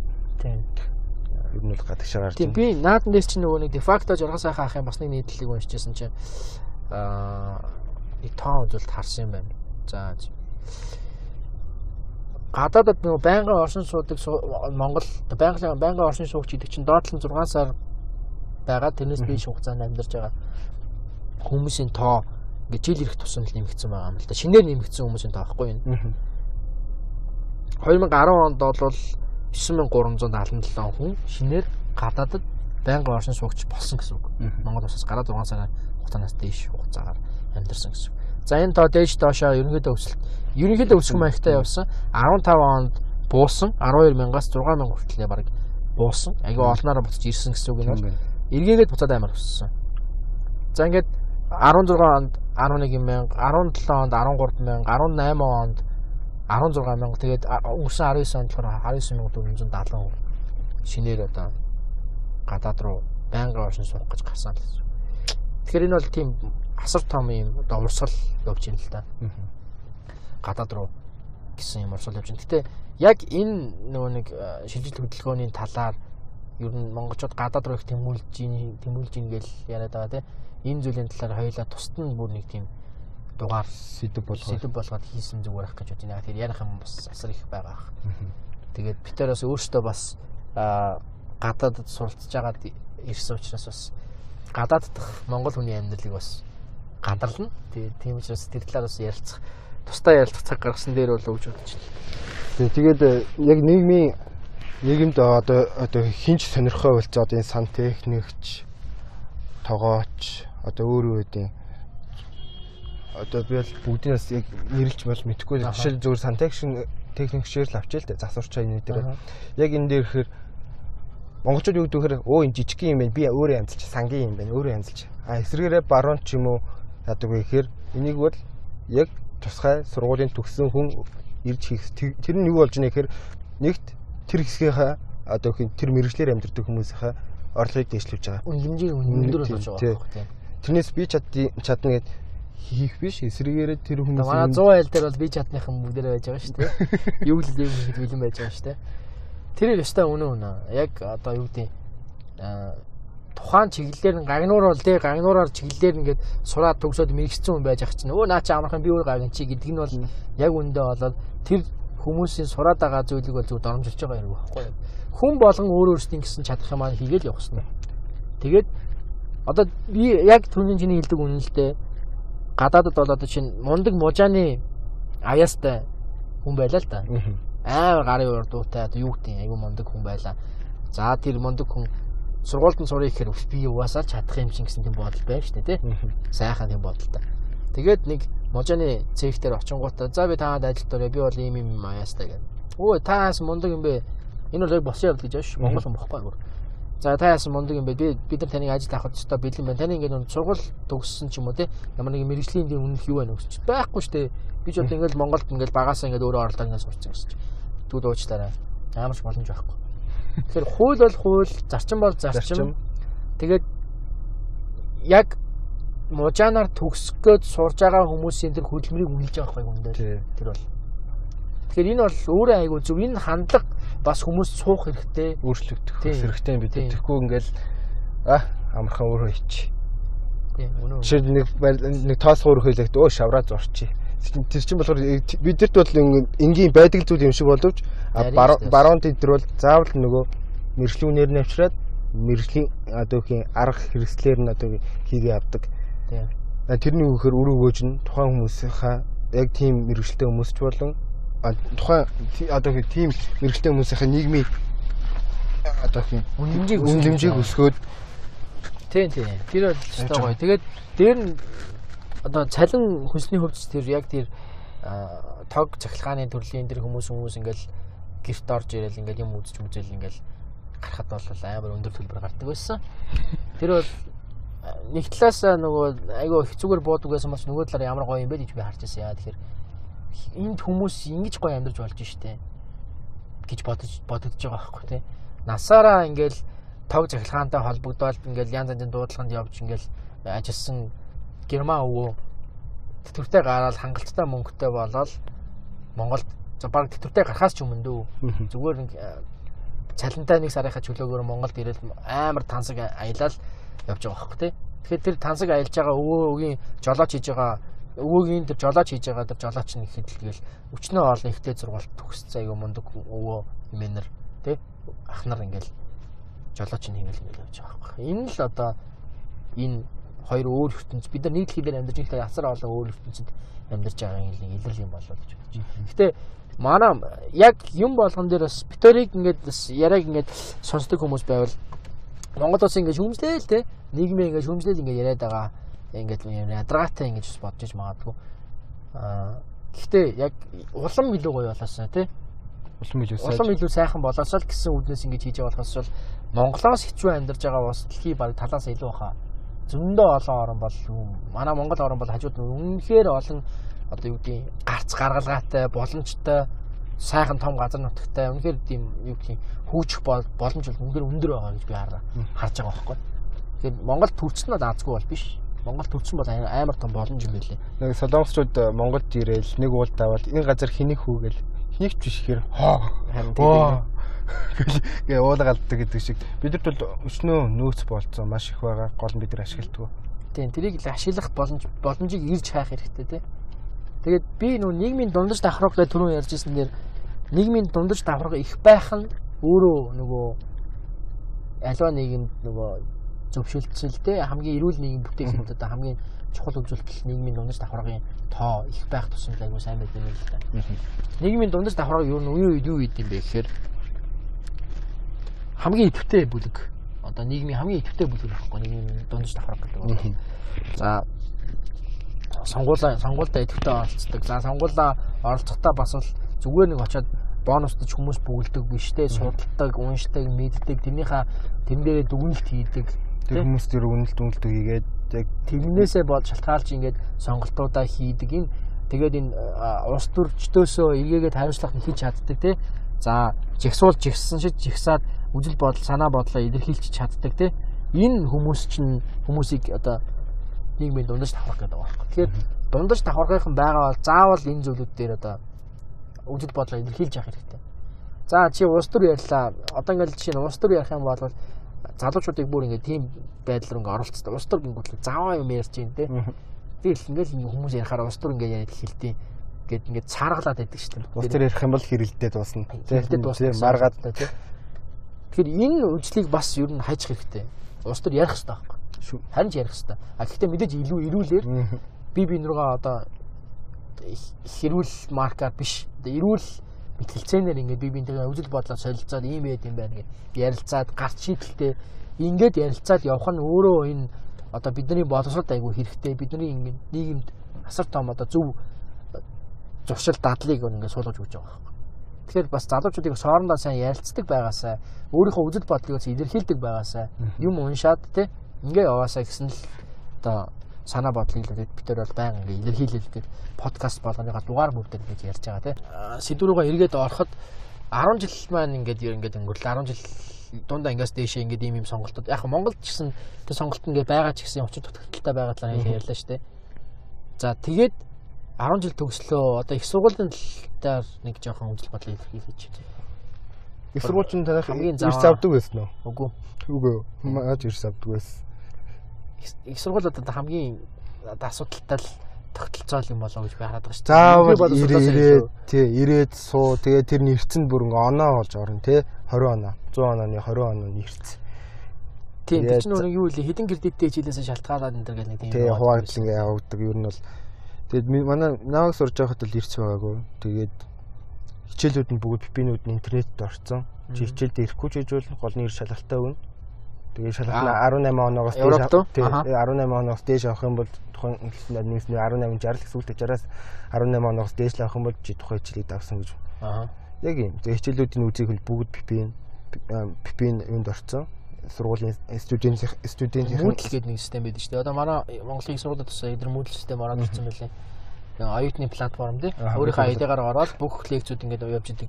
Би бас заримдаа жоохон залхуу урсан өдөр мөдөр болол нэг лекц руугаа явахгүйгээр шууд онлайнаар үздэг гэсэн л та. Тэгээ очиж дутагдaltaй нь жоохон нөгөө нэг чихвчээ сонсох яг танхим зүг сонсох хоёр жоохон өөр. Тий. Нэг сатаарах гэр- гэрт ингээ юм хийгээд тэр чи ингээ хараад ахаар чи юу очиж байгаа юм чи. Ингээл хажуун заа юм жоох юм ид чи ингэчигээ басж яваал юм тэнд нэг юм хийх хэрэгтэй байсан ш тэгэл бас бол паузлал нөгтөө үзээ явдаг. Яг одоо хөө академик одоо хөө ангид очиод суугаад анхаарлаа төвлөрүүлээд сонсох гэртээ одоо хөө Ялгаатай, компетенцаас үзэх бол асар бас ялгаатай. Гэхдээ гэхдээ үндсэн зорилго нь тэнцээ яг гэдэг юу вэ гэхээр аа гой сонсож жиж магадгүй манай Монгол залуучууд те. За Европын сургуулиуд юм гоё юм байна. Очих баг шаардлагагүй юм байна. Тэр нэг гоё яж магадгүй. Гэхдээ очихгүй байх тоолонгоор чи тэрнийхээ үеийн үрийг эдэлдэг газар гэх юм уу да. Ямар ч багшийг найрах ямар ч тийм боломж байхгүй. Тэр яриа гарах юм бол чи өөрөө зүгээр нийгмийн хог шаруулаад Тий. дуусна. Тэгэхээр хүссэн үсээгүй чи тэр мэдлэгийг авсан үгүйгээрээ шалгуулна. Тэрийг бүр шударгаар шалгуулна. Тийм учраас чи заавал сургуульд ирэх үгүй чинь чиний өөрийн чинь сонголт. Тэрний араас чи өөрөө хөөцлөд сурах үгүй чинь чиний сонголт. Тэгээд чи шалгалтаа өгнө. Шалгалтанд тэнцэхгүй бол уучлаарай цаашдаа ямар ч явах боломжгүй гэж ингэж зөвсөнө. Яг л тийм одоо зарчим үйлчлж байгаа газар учраас ерөөсөө ямар ч боломж байхгүй. Тэр нь нэг бодлын хатуу гэхдээ нөгөө бодол үнэнхээр үнэн. Тэгээд нөгөө би их сургуультаа ороод ер нь бол ингэдэг л да Австрийн сургууль болохоор юм байдیں۔ Их сургуульд оронгуудаа эхний нэг семестрт үнцэн хичээл. Мгм. Энэ суур мэдлэгийн гэх юм уу одоо юу гэдэг нийгмийн шинжилгээ ухааны хичээлээ сурах байгаа хүн бол нийгмийн ерөнхий ингээд шинжилгээ ухааны хичээлүүд нь орж эхэлнэ. За тэр тэр нь хоёр аюу хүн шалгалттай. Хоёр хоёроос 3 вэ? Зарим нь 3 байдаг юм л. За тэр нь болохоор шалгалтуудын нэрийг монголоор орчуулах юм бол одоо чиглүүлгийн хичээл гэх юм уу да чиглүүлэг гэж ер нь жоохон орчуулж болох юм.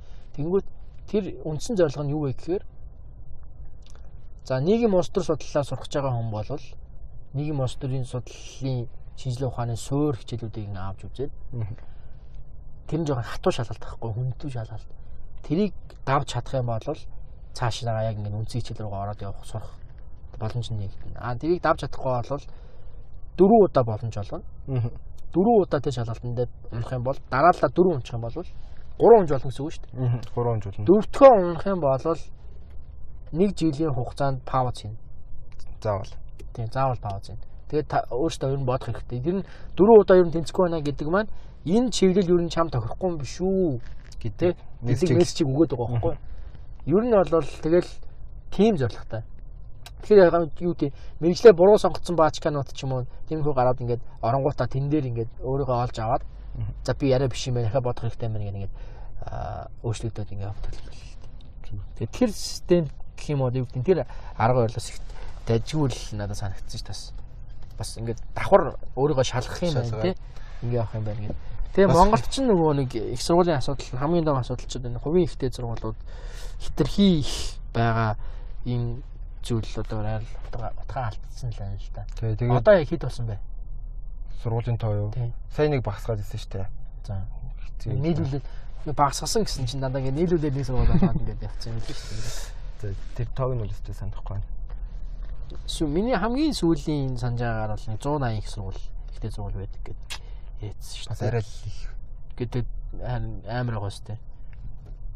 Эсвэргээрээ нөгөө төсөөтий төсөөтийг хийzagвал Юу нэ? технологи А тэр бол мэдхгүй том уу байт юм уу? Байдаг л хальтаа тийм талаар орж сонш уншчлаагааг юм байна.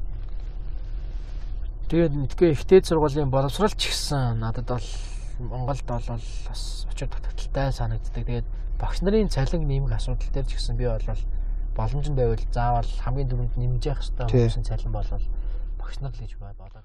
Одоо ерөнхий боловсролын багш нарыг ингээд бодоод үзэнгүүд орон тоон байгаад байдаг мөртлөө багшлах багш нь болтдгоо.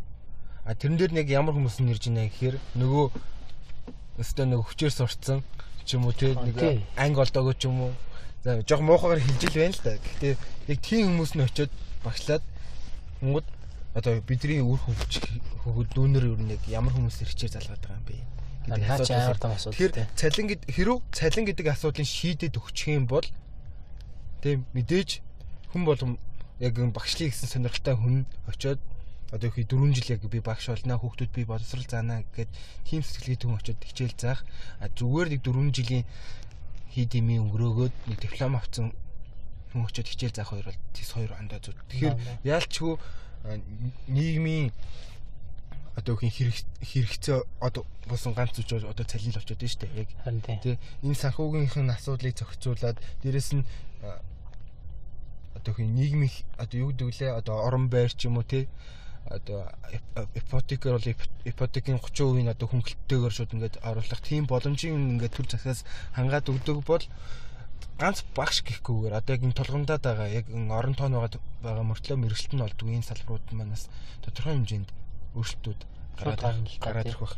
А мөн дөрөв бас нэг юм ярьж очсон. Яг нэгдүгээр ангийн хүүхдийн цөмхийг хөргөж үзсэн үү? Хүндлээд юм шиг л. Хүн хүнд бүр нилээн хүнд. Аха. Тэгээд би бодож ирсэн энэ ягаад цаасын айтайхан цаасаар хийж болдгүй. Хамгийн хүнд цаасаар авч хийчдэг. Тэ? Мгм. Нимхэн цаас байж болно. Тэр хүүхдийн эрүүл мэндээс гуйлал өсөлтөнд нь нөлөөлөл эхэлж байгаа байхгүй тэр чинь. Нурууны гажигтай багаас нь хитрхи хүнд цүнхтэй. Би өглөө нэг дүүгээ оруулж өгдөг болохоор ингэ цүнхийн нурууд мангар хүнд. Би тэгэл тэрийг өөрөө л үүрнэ гэж байгаа юм чи. Миний цүнх гэж. Тэнд ер нь хүн хүн харагддаг шүү. Нэг том тий. Том Тэгэл үрээд явдаг л та чаас. Тэгэл нөгөө харваас ингээ өөрөө явж байхаар харахаар ингээд хүнд юм үрцэн мэддэж штэ алхаа Тэгээд жишээ. тэрийг би нэг юм уншиж байсан чи юу гэсэн гэсэн гэхээр нөгөө номныхын зардлыг одоо нэгсэндээ хүмүүсийнхээ амжиргааны түвшинд тааруулахын тулд мэдээж хямд өртгөр хийн штэ. Тэгээ Аа. өртгөр хийхээр мэдээж хямд материал хамгийн муу материалаар нь хийн. Тийм болохоор Аа, нөгөөт нь цаасны өвд гэх юм бол тэгэл хүн цаасын сонгол хийж ийна л гэсэн үг. Уул нь бол багш тий эмч гэсэн энэ хүмүүсийн үнэлэмж бол аяг өндөр байх хэрэгтэй л та.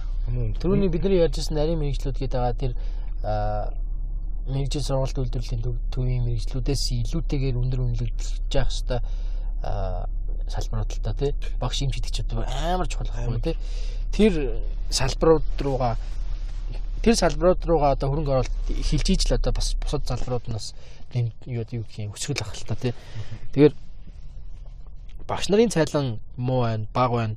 Амьдралын боломж нь тийм байх чинь хэн юу н багш болоод тийм амьдралаар амьдрахыг юу н Монгол төсөвд байна. хэн аль болох өндөр цалинтай үр хөвгтэй одоо их бүрэн мөтөн хоолтой хонуулахын тулд аль сайн цалин амлаж байгаа газар л Яа. тий тэн одоо багш нарын хувьд гэх юм бол сургалтын төвүүд байна. Жишээлбэл англи хэлний багш үлээгээ тий хувийн сургалтын төвд очиод багшлах зүгээр нэг 10 жилийн сургалт багшлах хоёр бол цалингийн хувьд асар зүрүү гарцсан. Тий. Тэгээд нөгөө багш нар чаавас тэгээд давхар ажил айгүй хийдэг болцсон тий. Зуны амралтаараа солонгосын он тэгэл хэцүүдээ Багш нар битгүү эмчнэр байна. Орон нутгийн одоо сумын эмчнэр байна. Манай их ч явдаг. аха Яг нэг э, 100 тааруулж ягаад ээлжийнхээ амралтыг яваад тэгэл яваал ирд юм яваад шиг нэг сар харан. Гэхдээ нэг сар ажиллаад ирэхдээ нөгөө авдаг цалингаа яттай л 3 4 нуглаад олоод ирж байгаа юм. Тэр чинь одоо багш нарын тренд болчиход байна л. Зарим ч бүр явж чадахгүй солонгосын виз хатуу байна гэлтэй ингээл янз янз юмуд ингээд сонсогдчихлаа юм л та. Хоёулаа нөгөө хамгийн ихний дугаар дээр тэтгэврийн зээлийн талаар ярьсан шүү дээ. Тэтгэврийн зээлийг тэглэх асуудал тэгэл энэ бодлого ийм бодлого явахаас илүү саяны битэрийн ярьдаг энэ асуудлуудыг хөнгөвчлөх багш нарын нийгмийн хэрэгцээг төрөөс хангах тэрэнд одоо хөнгөлт үзүүлэх тийм бодлого байсан бол үнэхээр алга ташхал байлаа л да. Өнөөдөр ялангуяа боловсролын систем ярьж байгаа учраас багш нарын нийгмийн асуудал бол үнэхээр хөндөгдөд эхэлсэн. Монголд аюу хэцүү байгаа учраас улс төрийн намууд нь тэгээ төрн засгийн газар нь бас энэ зүйл дээр анхаардаг байхын тулд одоо бид нар ямар сонголт хийх вэ гэдээ шууд шалтгааллах учраас зүгээр нэг те сонгуулийн амлалтууд янз янзын шоу тиймэрхүү зүйлд дүнэлт үнэлэлт дүнэлт өгөөл те. Хувцаа бид нар төхөр боллоо өста сайддаа баярлаа ч гэдэм үү те. Иймэрхүү ийм хэрэггүй те шаал өөр зүйлээр тархиа угаалгаж яснаас үндсэн энэ толгомцсон асуудлуудыг яаж шийдэх юм те тэрийг шийдэж чадах хүмүүсийг бид нар өөрсдөө судалж мэдээд тэр хүмүүсийг уншаад те ямар мөрийн хөтөлбөртэй байгаа юм тэрийг нь үзээд уншаад тэрийг мартахгүйгээр хийгээд хариуцлагаа нэгтэг ийм л одоо зүйлийг арт түмэн нэг талаасаа нэхэж хийх ёстой хэлэх ёстой а нөгөө талаас нь их мэдлэлт бай их мэдлэлт байгаа хүмүүст нь ч гэсэн энэ зүйлийг хамгийн толгомцсон асуудлуудынхаа араас явдаг байгаасаа яг хүсэж байна л та. Тэрнээс бол зүгээр л ингээл энэ тэтгэврийн зэвэл энийг удаа тэглээл тэнгууд айгуу нэр хүнд аваад нэг сонгуульт дээр ялах зорилготой. Тэгээд тэр дараагийнх нь сонгуул хүртэл хороо яах хэрэгтэй гэхээр нөгөө мөнгөө эргүүлж хийхтэй. Ийм л одоо цикл Монголд ингээ байгаад байгаа учраас энэ зүйлийг нэг өөрчлөх боломж нь бас хизээд бас арт түмний гарт байгаа хаа гэж бодож байгаа. Тэгэд хизээний дугаар дээр хоёлаас нэг дугаар дээр ярьжсэн шүү дээ. Залуучуудаа сонгол сонгуул айгу сонгуульд идэвхтэй оролцох хэрэгтэй гэдэг. Одооноос ер нь бол хинт саналаа өгөх үү? Яг ямар хүмүүс нэр дэвшиж байна гэдгийг бол одооноос тийм судалгаа хийгээд эхлэх хэрэгтэй. Ер нь бол одоо удахгүй сурчлагынууд эхэлнэ. Ер нь бол аль хэдийн эхэлсэн. Альбан бусаар эхэлсэн. Бусаар эхэлсэн. Гэхдээ цаана нь бол тий ямар хуу маркетинг хийх үү? Тий ямар хуу төлөвлөгөөтэй ажиллах уу Тэгээд мэдээж нөгөө нэр дэвшигч байгаа хүмүүс нийтийн албан тушаалтан бол аль хэдийн ажиллаа өгөөд шүү дээ. Нэг сарын нэг ихэд өгсөн байх хэрэгтэй гэдэг тий. Тий. Орон нутгад бол арай өөрөө юм л одоо жишээлбэл нийслэлийн иргэдийн төлөөлөгч гэх юм бол хугацаанд бол заавал нэг сарын нэг гэдэг юм шиг үлээ. Арай өөрөө хугацаа. Сайн нөгөө нэг шинэ сонгуулийн хуулиан дээр л юу тий нэг сарын нэг болгоод нөгөө юун дээр их хурлын сонгуул их бол тэгээд тийм болгоцсон л юм байл л дээ. Тэгээд мэдээж нөгөө нэг сонгуулаа өгөөрэй гэж уриална гэхээс ч одоо жишээ нь тэрийг сонгочоорой, энийг сонгочоорой гэж бол хүний ихэнд бол халдчихлахгүй тийм мэдээж зүгээр л ухаалаг сонголт хийгээсээ. За, уриалах зүйл өөр юу вэ гэхээр а олон удаа сонгогдоод энэ нийгэмд дөрвтэй өөрчлөлт гаргаж чадаагүй энэ хүмүүсийг ахиж битгий сонгооч л гэж. Одоо хамгийн том өсөх юм бол хэл шинэ хүмүүс гарч ирээсэ. Шинэ мөрөө хөтөлбөр. Тэгээ шинэ парламент байгуулагдаас шинээр дийлэнх хин шин ч юм уу те. Тэгээд засгийн газарт орж ажиллаж байгаа хүмүүс нь дандаа бас шинээр байгаасаа. Нөгөө л хүмүүс те нөгөө л нэг асар олон жил зургатаар харцсан. Ах нар нөгөө ярьдаг юм аа ахаал хинээс нь яриад. Тэгснэ ахаал нөгөө нэг эс зоргийн хэрэгтэй янз янзын хэрэгүүд нь гинт гин сенсац олж гарч ирээл. Ингээл тэрний талаар арт түмнийг баахан дотор нь хагаралтуулж мэдээлэл хийгээл. Нөгөө л нэг популист популизм хийдэг хідэн хүм ах нар ингээл гарч ирээл зургтын өмнө ярьдаг тэр хүмүүсийг одоо бити сонгооч л гэж байгаа. Шинэ хүмүүсээ сонгоосон. Залуус. Бас өргөнөөр оролцоосоо тий. Тэгээд нөгөө халамжийг одоо юм халамжийн мөнгөөр мөнгийг одоо сонгуулийн амлалт хэлбэрээр иргэдэд тараах тий ийм л дараагийн сонгуул дээр бол бити гараасаа. Гарна л та. Миний хувьд бити гараасаа. Эсвэргээрээ одоо юм бидэрт одоо 1702 гэл хувьцаа өгөх чинь тэр хувьцааны ногдол ашиг өгөх чинь 90000 төгрөг харин 90000 төгрөгийг хүн болгонд нь өгнөхөөсөө илүүтэйгээр нийгэмд энэ энэ одоо хин хувьцааны мөнгөөр ийм бүтээн байгуулж босголоо. Босноо тий. Эсвэл тий эмч, сувлэгч, багш нарынхаа цалинг нэмлээ ч юм уу. Эсвэл одоо хин эмч багш багш нартай зориулаад орон сууцны хотхон барилдлаа ч юм уу. Бөттэй нийгэмд хэрэгтэй үр ашигтай зүйлийг амсан одоо хин наамч гэх юм уу хуу хүн ч би даж өстрийн хүчин гэл сонгоосоо тийм бол би 100% гараад руу дэмжинэ. Харин тэрийг дэмждэг хүмүүс бас олон байгаасаа гэж бодоод байна шүү дээ. Зүгээр л одоо өнөө маргаашаа бодсон бэлэн мөнгө авах нэг тийм одоо бодлогонд хуурцсан хууртаал нөгөө л хэдэн хүмүүсээ сонгочаа дахиад 4 жил зовоол ингэж одоо явж салхлаа штэ үүндээ тий. Ингээл баг 30-аад жил ингээд 30 жил ингээд явчлаа. Одоо нэг өөрчлөгдөөл да бүгдийг шинээр хийх нь хүсэл хүн болгоны дотор байна шүү дээ. Монгол хүн болгоны дотор Монгол бас хөгжөөсөө хурдан өөрчлөгдөөсөө улс төр заваан байна. Энэ улс төрийг цэвэрлэхийсэн гэсэн бодлоод байна. Хин цэвэрлэхийн гэхээр оо тэгэл одоо хин нэгэн гарч ил хийх л байлгүй гэсэн бүгд тийм бодлоосоо болоосоо хүн болгонд арчсан нийгмээр олгогдсон бүрийн эрх нь байж гин хүн болгон сайхан сонголтоо ингээ зөв хийгээсэ ингээд тэрний үр дүнд гарсан засгийн газар парламент нь тэр зөв шийдлүүдийнхээ араас ингээ хөөцөлддөг байгаасаа тэгээ тийм л зүйлийг ингээ аяг өгсөд байна л та. Тэгэл одоо жишээ нь юу гэдэг өнөөдөр бид нар 90 90 мянган төгрөг карманд авахаасаа илүүтэйгээр энэ 90 мянган төгрөгийг багш нарын нийгмийн халамжид багш нарын нийгмийн энэ одоо байр суурийг дээшлүүлэхдээ цалинг нэмэх, орон сууцтай болох энэ хөтөлбөрүүдэд ингээд оруулаач гэсэн тийм оруулах оруулаач гэсэн тийм бодолтой хүмүүс бас олон байгаасаа тэгжиж манай Монгол бас нийтдээ хөгжнө гэхээс өнөөдөр би би гэдэг өнөөдөр надад юу наалтах юм гэж юусоо бодоод явах юм бол энэ яг энэ чигтээ ингээл байгаа л юм. Тэгээ ердөө нэг 90 мянган төгрөн төгрийг л бодож яг өнөөдөр бодож ингэж амьдрах юм бол бид хизээч нэг алхам орох. Тэгээ уушлах чадахгүй байгаа. Бид өшөө илүү одоо хин илүү алсыг харах хэрэгтэй байна. Тэгээ 90 мянган төгрөг магадгүй сонсоход нэг хүнд 90 мянган төгрөг юу авах вэ гэж эн чинь бүхэл бүтэн 3 сая хүн гэд бодоход их мөнгө их мөнгө. Энэгээр юу хийж болох вэ? Тэгээ би нэг дээр подкастаар ярьж илаа нөгөө нэг Австрт сар бүр 1200 евро хүн бүрт олгох тийм хуулийн төсөл явсан гэдэг. Яраг үлээ? Яраг баха. За сая оны өмнөх нь л дөө би ингээд нэг Австрийн бас мэдээ янз янзын мэдээнүүд сонсдог, үздэг. Тэрэн дээр Австрт нэг э, улс төрийн хүчнээс нь санал гараад аа Австри улсын иргэн бүрт сар бүр 1200 евро суур үндсэн орлого болгож ингээд өгдөг болёо боломж нь байна. Мөнгөнийх нь боломж нь байна. Тэгээд сар болгон 1200 евро өгдөг болёо гэсэн тийм хуулийн төсөл явсан баг. Тэгээд тэр нь болохоор нэг гарын үсэг зурдаг ер нь парламентэд нэг хилцүүлэгдэхэд бол заавал 200 мянган хүний гарын үсэг зурагдсан байж ч тэр парламент дээр асуудал орж хилцдэг. Тэгэнгүүт тэр 200 мянган хүн 200 мянган хүний санал хураахтаа бас цаг хугацаатай л та 14 оны дотор сүрүүлэх хэрэгтэй. Тэгсэн чинь тэр хүрээгүй байхгүй 200 мянган хүний санал хүрээгүй. Тэгээд тэр асуудал парламент руу орох битгий ингээд цаашаа яриадах юмч боломжгүй болоод ингэ зогссон байхгүй. Тэгээд тэр мэдээг ингээд нөгөө а фэйсбүүкийн пэйж дээр ингээ хийж тавьчихсан. Тэгээд доор нь хүмүүсийн сэтгэлдлүүд байгаа байхгүй. Тэгээд би тэндээс ингээд уншиж байхад австр хүмүүсийн л сэтгэлдлүүд байгаа шүү дээ. Тэнгүүд уншсан чинь бүр амар гайхацсан хүмүүс зүгээр юу амар гайхацсан. Яагаад ийм бэлэн мөнгөний ийм бодлого ингэж юм гарч ирж байгаа. Тэгээд тэр нэг 200 мянган хүний гарын үсэг хүрэхэд а 70% тай яг явж исэн байгаа байхгүй. Тэгээд 100 болж чадаагүй 70% тай л яваал дууссан. Тэгэхээр тэр хэмжээний 70% орчим хэмжээний юм хүмүүстэй а за 200 мянган хүний чинь 70% гэхээр чинь 140 мянган болчих жоох юм байна тий. 140 мянган хүн ийм бодолтой байна гэхэд арайчтай тий гэсэн тийм юм амар их байхгүй.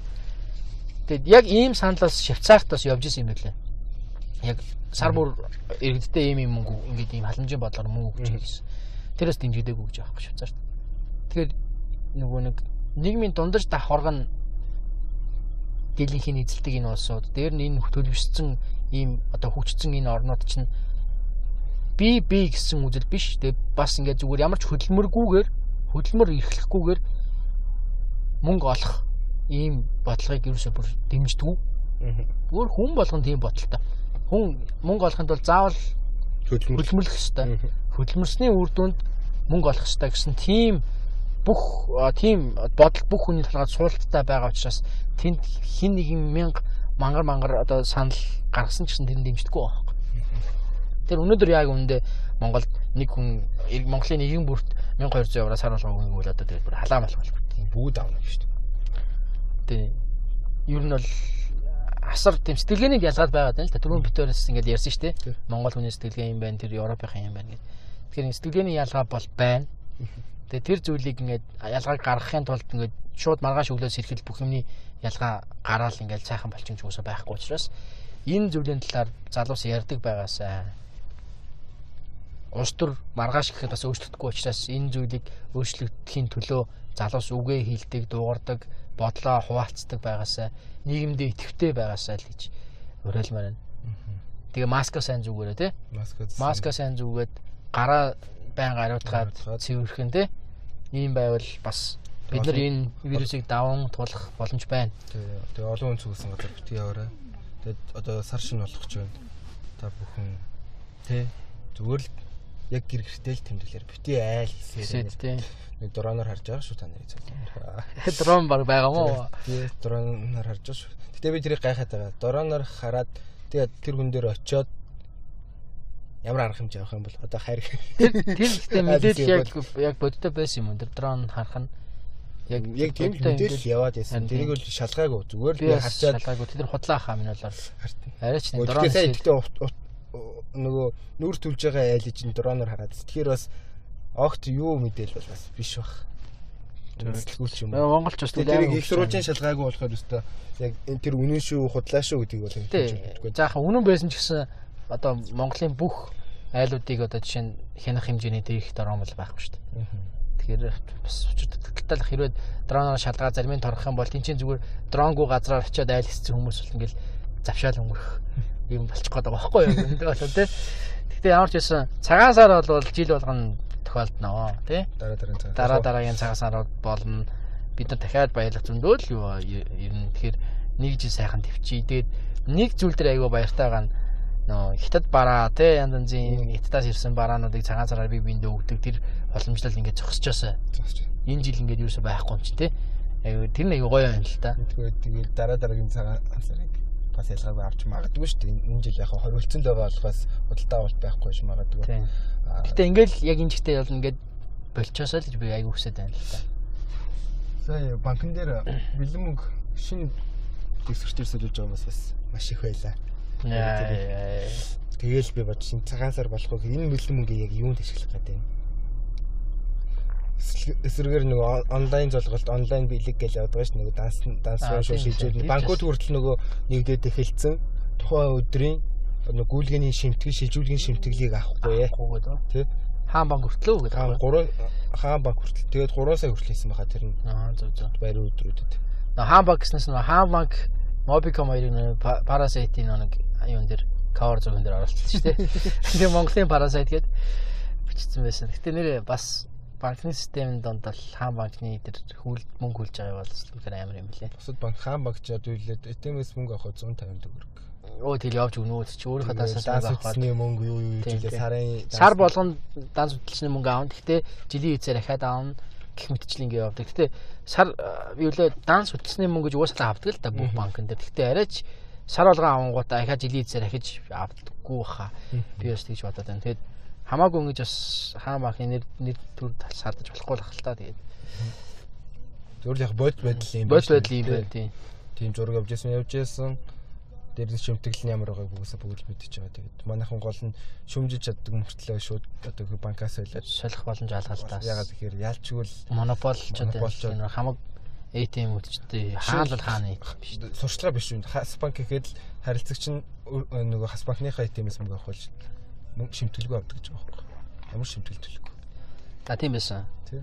Тэгснээ бас нэг би нэг юм уншсан ш. Тэрэн дээр хас банкны одоо интернет банктай хүн өөр банк руу мөнгө шилжүүлэхэд бараг 3000 төгрөг ундаг гэдэг. Нэг тийм байсан. Гэхдээ тэр яг битсэн үн үн юм болоогүй болоо мэдгүй л юм. Бяс хийж үзег болохоор мэдгүй л. 3 мянга гэхээр арай л өндөр байна. Амар хотлоо гэж оронч бодох тий. Тий. За за тэгээд ямар ч байсан янз янзын мэдээ мэдээлэлтэй энэ нийгэм дунд ингээм амьдарч байгаа залуучуудтай ахаад уриалахад те а эерэг мэдээллүүдийг илүү сайн уншдаг байгаасаа эерэг мэдээллүүдийг бие биендээ бас түгээдэг байгаасаа тэгээ Монгол улсын ирээдүй бас гэрэлтэй байгаа гэж бас итгэдэг те бид хоёр тэгээд энэ гэрэлтэй нийгэм рүү тэр гэрэлтэй ирээдүй рүү баг багаар биш боломж бүх хурдаараа тийш зүтгээсэй хамтдаа байвал бүгдийг хамтдаа нэгэн зүгт нэг зорилготойгоор харж чадах юм бол Монгол залуучуудад бол боломжгүй зүйл бас цөөхөн бахаа гэж бодож байна. Тэгэд өнөөдрийн дугаараа ингээд өндөрлүүлье. Тэгэд дараагийн дугаар дээр бас өөр шин сэдвтэй Дараагийн дугаар их сонирхолтой болж магадгүй. Ягаад тэгэхээр нөгөө яг цагаан сар яг ямар хэмжээнд Болж өнгөрөв, тий? Үнэхээр тийм байна. хориг маань хэрэгж бүү хүмүүс үнэхээр цомхон тэмдэглэж чаддгүй гэл. Коронавирусны дархалт бас хэр байх, хэр болсон байх бол гээд олон л асуудлууд асуултууд гарч ирэх л байна тий. Бас нэг өөр шин сэдвийн талаар бас ярилцах болно. Мгм. За юм байна. Тэгээд цаг гарган битүүрийн Нөгөө подкастыг сонсож байгаа а бүх хүмүүстэй тий. Залуустаа л айгүйх ярьдаг. Гэтэ залууч байна уу, хөвшин байна уу хамаагүй. Тэгээд манай подкастыг сонсож байгаа хүн бүрт маш их баярлалаа гэж хэлээ. Тэгээд сайхан шинэлэрээ. сайхан шинэлэрээ тий. Тэгээд гэртээ сайхан шинэлэрээ. Гадагшаа битээ гараарай. Онлайн залгуу сайн яриа. Тэгээ онлайн золголт хийгээд мөнгөө шилжүүлээд гэдэг аах тий. За тэгээд баярлаа. Баярлалаа. Тэгээд нэрээ юу битэрийн өнгөрсөн дугааруудыг а Германаас хүн сонссон гэсэн тэгээд уул нь холбогдооч гэж хүссэн тэгээд хэн байсан мэддэг өнгөрсөн. Бас Ирландаас а бас манай подкастыг сонссон тийм тохиолдол гарсан байлаа тэгээд баярлалаа ямар ч байсан тий. Хаа холоос бас битэрийн подкастыг ингээд интернетээр хайж болоод ингээд сонсно гэдэг бол сайхан нэр төрийн хэрэг байна л гэж бодчих тий. Гол нөгөө битээр энд тэн шеэр хийгээд ч юм уу эсвэл постод ерсэн подкаст оруулах байгаа шүү дээ. Яг л зүгээр л оруулаад тавьж байгаа тий. сайтууд нь тавиал а, хүмүүсийн подкаст хайж байгаа хүмүүсийн ирэл нөгөө илэрц дунд л гарч ирээл Тэгж байгаа. Ямар ч тийм нэг share subscribe маркетингийн тийм компанид ажиллал явагдаг байгаа. Гэтэ удахгүй юу нь явагдах Энэ нь бол. SoundCloud дээр тавиад эхэлсэн. Apple Podcast ороод эхэлсэн. Google podcast руу бол нь орсон байх хэвээр. Тэгээд Anchor гээд бас подкастны платформ байгаа. Тэрэн дээр байгаа. Тэгээ Spotify дээр байгаа. За юм байна.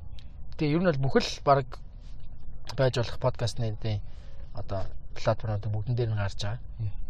Тэгээд хэрвээ та бүхэн таалагдах юм бол бас цааш нь түгээж өгөөрэй. Тэгээ хийж өгөөрэй, post хийж өгөөрэй. Тэгээ өөрөө таймлайн дээр постлоод сайхан. Стиглээс бичээрэй. За тэгээд дараагийн дугаар хүртэл түр баяртай тэгээд эрүүл энхийг сайн сайхныг ад жаргалыг та бүхэндээ бүгдэнд нөхсөөрөө. За баярт.